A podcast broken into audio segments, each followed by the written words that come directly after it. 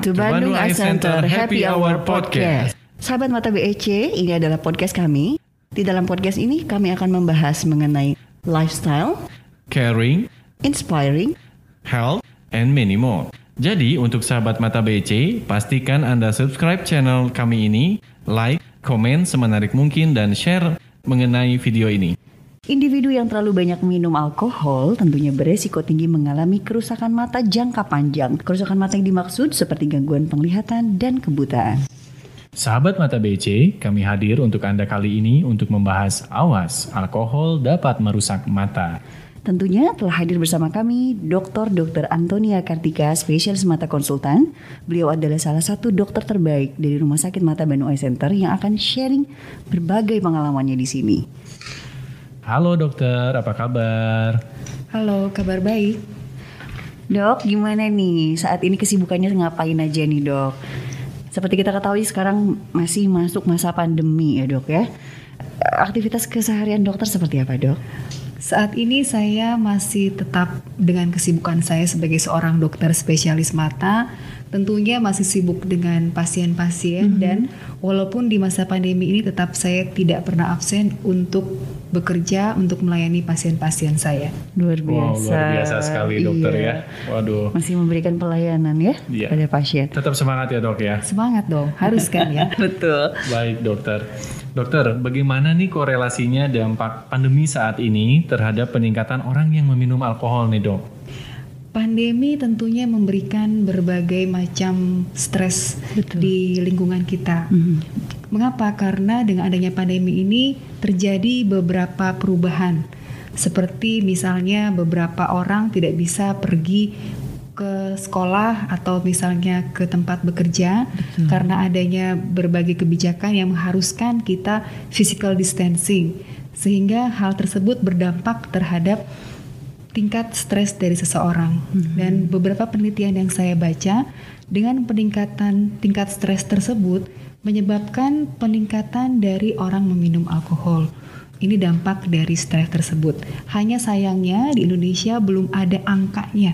Hmm. Bagaimanakah relasi antara peningkatan dari stres akibat pandemi COVID ini dan juga peminum alkohol, apakah dia meningkat angkanya bermakna atau tidak belum ada. Betul. Tapi kalau kita baca di jurnal-jurnal luar negeri sudah ada penelitiannya dan memang meningkat angka hmm. orang meminum alkohol pada saat pandemi COVID-19 ini. Hmm, begitu ya dok. Pasti kita simpulkan banyak orang yang stres, begitu dok? Sebetulnya secara umum memang kita bisa lihat sendiri Misalnya begini, orang-orang yang tadinya bisa aktif bekerja di luar, bisa berkomunikasi, bersosialisasi dengan orang-orang, saat ini sulit dilakukan. Betul. Kecuali orang kesehatan kami tetap bekerja melayani pasien-pasien kami tidak pernah berhenti, tapi beberapa orang, beberapa kelompok masyarakat diharuskan untuk tidak beraktivitas seperti semula Betul. untuk mengurangi penyebaran virus COVID-19 ini. Tentunya hal ini berdampak terhadap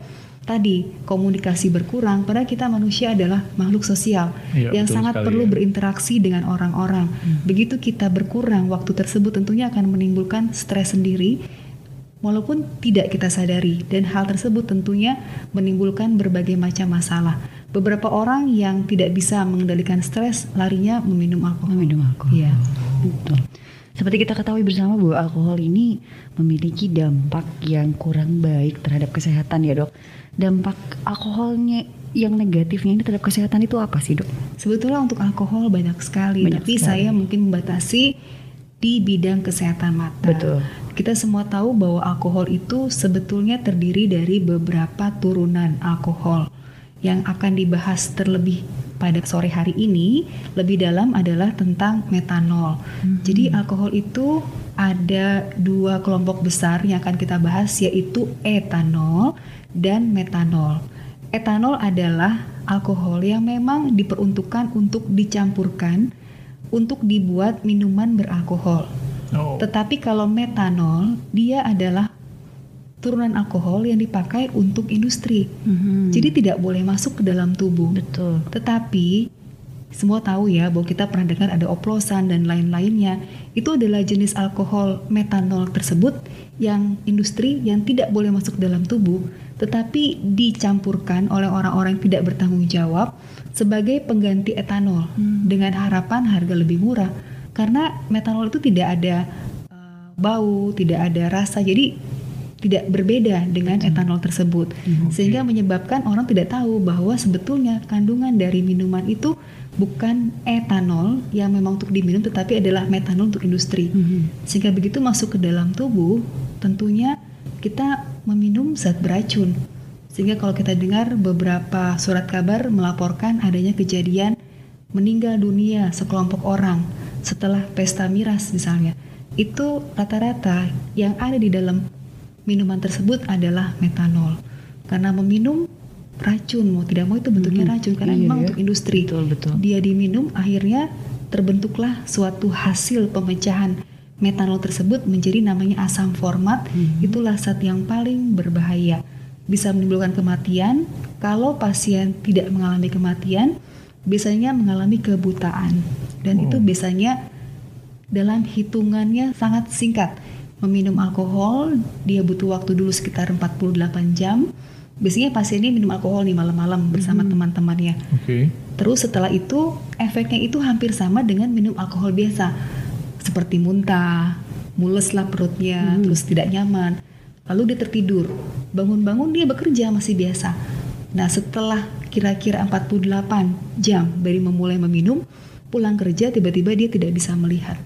Oh, Karena ada waktu, juga ya. ada Iya, waktu iya. Metanol yang masuk ke dalam tubuh di metabolisme atau dirubah menjadi asam format tadi yang saya Iya. bilang sangat berbahaya. Berbahaya ya. Sehingga dia bilang, dok kemarin saya masih bisa kerja, tapi kok hari ini saya tidak bisa melihat. Nah itu mesti kita lihat. Jadi memang kalau ditanya alkohol untuk kesehatan mata, tentunya kalau dia isinya bukan alkohol untuk diminum, sangat-sangat berbahaya. Hmm. Tetapi kalau isinya etanol, bukan juga tidak berbahaya. Oh. Begitu oke. kita menjadi alkoholik, peminum alkohol jangka panjang, yang memang hobinya meminum alkohol, minuman tersebut bisa membuat tubuh kita sulit mengabsorpsi atau menyerap zat-zat nutrisi yang akhirnya nanti berakibat terhadap gangguan di mata juga, lemahnya saraf mata akibat gangguan nutrisi sehingga menimbulkan buram. Tetapi kalau ini tidak langsung buram, biasanya setelah minum alkohol bertahun-tahun, perlahan-lahan dia mulai buram, bisa juga jatuh dalam kebutaan. Hampir sama, hanya bedanya waktunya saja. Gitu. Kira-kira itu kalau Baik. untuk kesehatan mata. Wow, mengerikan juga ya ini. Iya. Tiba-tiba bangun, tiba-tiba nggak bisa Iya, melihat, melihat ya. bagaimana? Iya, Langsung betul. kehilangan penglihatannya. Betul, betul sekali. Iya. Baik dokter, tadi dokter sudah memaparkan sedikit mengenai gangguan di mata ya dok ya. Iya. Apakah ini dampaknya selain ke mata itu apakah langsung atau bertahap atau seperti apa saja dok dampak-dampaknya? Tergantung dari apa yang kita minum. Oke. Kalau alkoholnya ternyata berisi metanol tadi, begitu diminum dia butuh waktu kurang lebih 48 jam untuk membuat si metanol itu dirubah atau di metabolisme atau dipecah menjadi yang namanya asam format yang sangat membahayakan tubuh. Jadi metanol itu sudah beracun nih.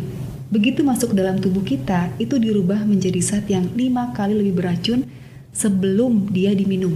Wow. Kebayang nggak? gitu Jadi ya. luar biasa itu kalau metanol isinya. Sehingga yang tadi saya katakan itu melangsung. Begitu minum, 48 jam kemudian tiba-tiba aja dua-dua mata, satu mata dua-dua mata gelap. Tetapi kalau isinya etanol, dia butuh waktu panjang dulu. Oke. Misalnya dia alkohol, peminum alkohol sama teman-teman setiap malam minggu minum alkohol terus sampai bertahun-tahun Minum bir ya dok ya. dia eh, yang mengandung alkohol kemudian dia suatu saat mengalami gangguan penglihatan itu bertahap Bertahan. pelan-pelan tapi kalau kita stop sebetulnya bisa reversible. Tapi kalau yang tadi yang metanol tadi itu rata-rata perbaikannya tidak seperti semula. Wow. jadi saya ada pasien yang baru lulus SMA karena baru lulus dia mem, apa, memerayakannya dengan meminum alkohol. Ternyata temannya itu membawa alkohol yang palsu. Jadi begitu diminum dia dua hari kemudian dia tidak melihat terapinya terlambat sayangnya Iya. sehingga akhirnya dia mengalami kebutaan Iya. kurang dari 3 meter akhirnya nggak jadi sekolah kuliah masuklah Iya. ke Wow. luar SLB ya karena Iya, iya. memang harus khusus jadi kasihan sekali hati-hati Dok, boleh dijelaskan mungkin secara ilmiahnya ya dok? Itu Iya. kalau misalnya begitu diminum, bagian apa yang terkena itu sampai bisa menyebabkan kebutaan itu dok? Iya, kalau yang metanol yang tadi menimbulkan suatu zat yang lima kali lebih beracun daripada berada di luar tubuh, yang terkena adalah saraf optik ya, Saraf atau saraf optik. mata. Wow. Sahabat mata Bandung Eye Center, kalau kita bicara saraf mata, kita membayangkan dulu nih, kalau mata itu seperti lampu, bola lampu. Oke. Kalau kita lihat bola lampu kan ada kabelnya tuh. Hmm. Jadi kabel itulah saraf Yang mata. Kalau kabel terganggu, pertanyaan saya, apakah lampu bisa menyala? Tidak. ya, Tentunya Tidak. tidak. Begitu Iya. pula kalau kabel yang terganggu atau saraf yang terganggu, penglihatan tentunya bisa buram atau malah gelap sama sekali. Gelap sama Jadi itu sekali. kabel matanya atau saraf matanya yang terkena. Mhm. Dan itu saraf mata itu sayangnya untuk regenerasi atau untuk menyembuhkan diri sangat-sangat terbatas. Oh. Sehingga hati-hati kalau terkena saraf mata tersebut Hmm. Itu yang membuat memang betul-betul sulit jadi betul-betul hati-hati dan Iya. memang harus segera datang ke dokter mata yang ahli karena yang kena saraf mata tentunya harus cari dokter saraf mata Betul. karena ini memang sangat spesifik Mhm. Lalu cara pengobatannya sendiri seperti apa dok? Kalau misalnya memang ternyata sudah ya terjadi seperti itu. betul yang Dan pertama apakah memang si butanya itu tiba-tiba buram langsung- dulu atau langsung, gelap? Oh langsung gelap ya? langsung gelap Tiba-tiba saja ya dok iya ya. jadi benar-benar dalam 48 jam yang tadi saya bilang Iya, habis langsung. minum dia mual-mual muntah ketiduran bangun pagi cepet-cepet kerja pulang kerja loh kok tiba-tiba dia gelap wah jadi benar-benar apa ya shock sekali Iya. sebetulnya begini begitu kita minum racun logikanya racun harus dikeluarkan Betul. jadi memang sebaiknya seperti itu Mhm. begitu kita minum alkohol yang kelihatannya kayaknya salah minum nih alkoholnya mengandung metanol memang harus dikeluarkan terlebih dahulu namanya bilas lambung. Mhm. itu dilakukan di IGD nah kita rumah sakit mata Bandung Eye Center mempunyai IGD sehingga kita bisa lakukan semuanya di rumah sakit Bandung Eye Center. Lalu setelah dibilas lambung baru kita lakukan khusus untuk matanya. Mhm. jadi dibilas lambung tentunya nggak semua keluar kan pasti sudah yang masuk ke dalam darah Mhm. nah itu masuk ke dalam darah itu kita kejar karena masuk dalam darah artinya dia akan berubah menjadi tadi asam format yang sangat beracun Iya, yang tadi sangat beracun tadi jadi ya. kita kejar dengan memasukkan obat-obatan khusus untuk Mhm. saraf mata dan itu dilakukannya biasanya rawat inap Mhm. sehingga perlu rumah sakit bukan klinik jadi saya Iya, rasa iya. rumah sakit Bandung Eye Center kita sudah siap untuk menerima pasien-pasien seperti itu. Wow. Ini cukup mengerikan juga pembahasannya. Ya. Dokter, tapi saya masih ada yang penasaran nih. Apakah yang minuman-minuman yang mengandung metanol ini banyak beredar saat ini, dokter? Nah, itu agak sensitif pertanyaannya ya. Karena sebetulnya kalau beli minuman misalnya harganya lebih murah, terus kemasannya kurang meyakinkan, kita harus hati-hati juga. Betul. Karena ya mohon maaf tidak hanya orang-orang yang tidak tahu. Saya pernah punya pasien dia lulusan luar negeri. Malam tahun barunya mau minum atau merayakan dengan teman-teman alumni dari luar negeri. Hmm, Jadi pada bawa minuman Iya, sendiri-sendiri iya, nih. iya. Si A Cheers, cheers ini ya, gitu ya. gitu ya. Ternyata salah temannya itu membawa minuman yang tidak taunya ternyata Iya. itu palsu. Hmm. Jadi pasien saya dia terkena dan ya syukurnya cepat dan kelihatannya minumnya tidak begitu banyak. Iya. Tadinya dia hanya eh, satu meter, akhirnya bisa kembali normal. Hmm. Itu lumayan sekali. Dia akhirnya menjadi pasien saya tetap dan dulu-dulu sebelum dia kembali ke luar negeri, kalau saya ada acara seperti ini, dia datang sebagai pasien yang sudah sembuh dan dia berceritakan supaya generasi muda tidak minum alkohol. Tidak, Ya, ya. Mau datang berkali-kali. ya. Jadi lebih baik memang stay away from alcohol. Yes. Iya. Iya betul betul sekali. Nah dok dari beberapa pengalaman dokter ini banyak dok kasus seperti ini dok. Saya sudah melakukan penelitian dari tahun 2010 sampai 2014 5 tahun dan penelitian saya sudah masuk ke jurnal internasional di Jepang Oh, terindeks iya. Scopus jadi Aha. jurnalnya jurnal sangat baik karena Tinnitus Scopus itu saya dapatkan selama lima tahun 244 pasien. Oh, banyak itu juga luar ya. biasa, juga ya luar angkanya ya. biasa, betul. Dan Karena ini usianya masih muda-muda dok. Paling rata-rata itu usia terbanyak itu di usia muda, usia produktif. Wow. Itu di usia 26 sampai 35 tahun. 26 sampai 35 Iya, tahun. Paling banyak laki-laki, 92% laki-laki. Oke. Laki-laki. Jadi memang merupakan usia produktif. Kalau laki-laki tentunya kepala keluarga, jadi Iya. memang kita harus cermati dengan Mhm, baik gitu loh betul. hal tersebut. Hmm, lumayan banyak ya. Iya, 26 dan generasi 35 muda tahun pula. Iya, betul sekali.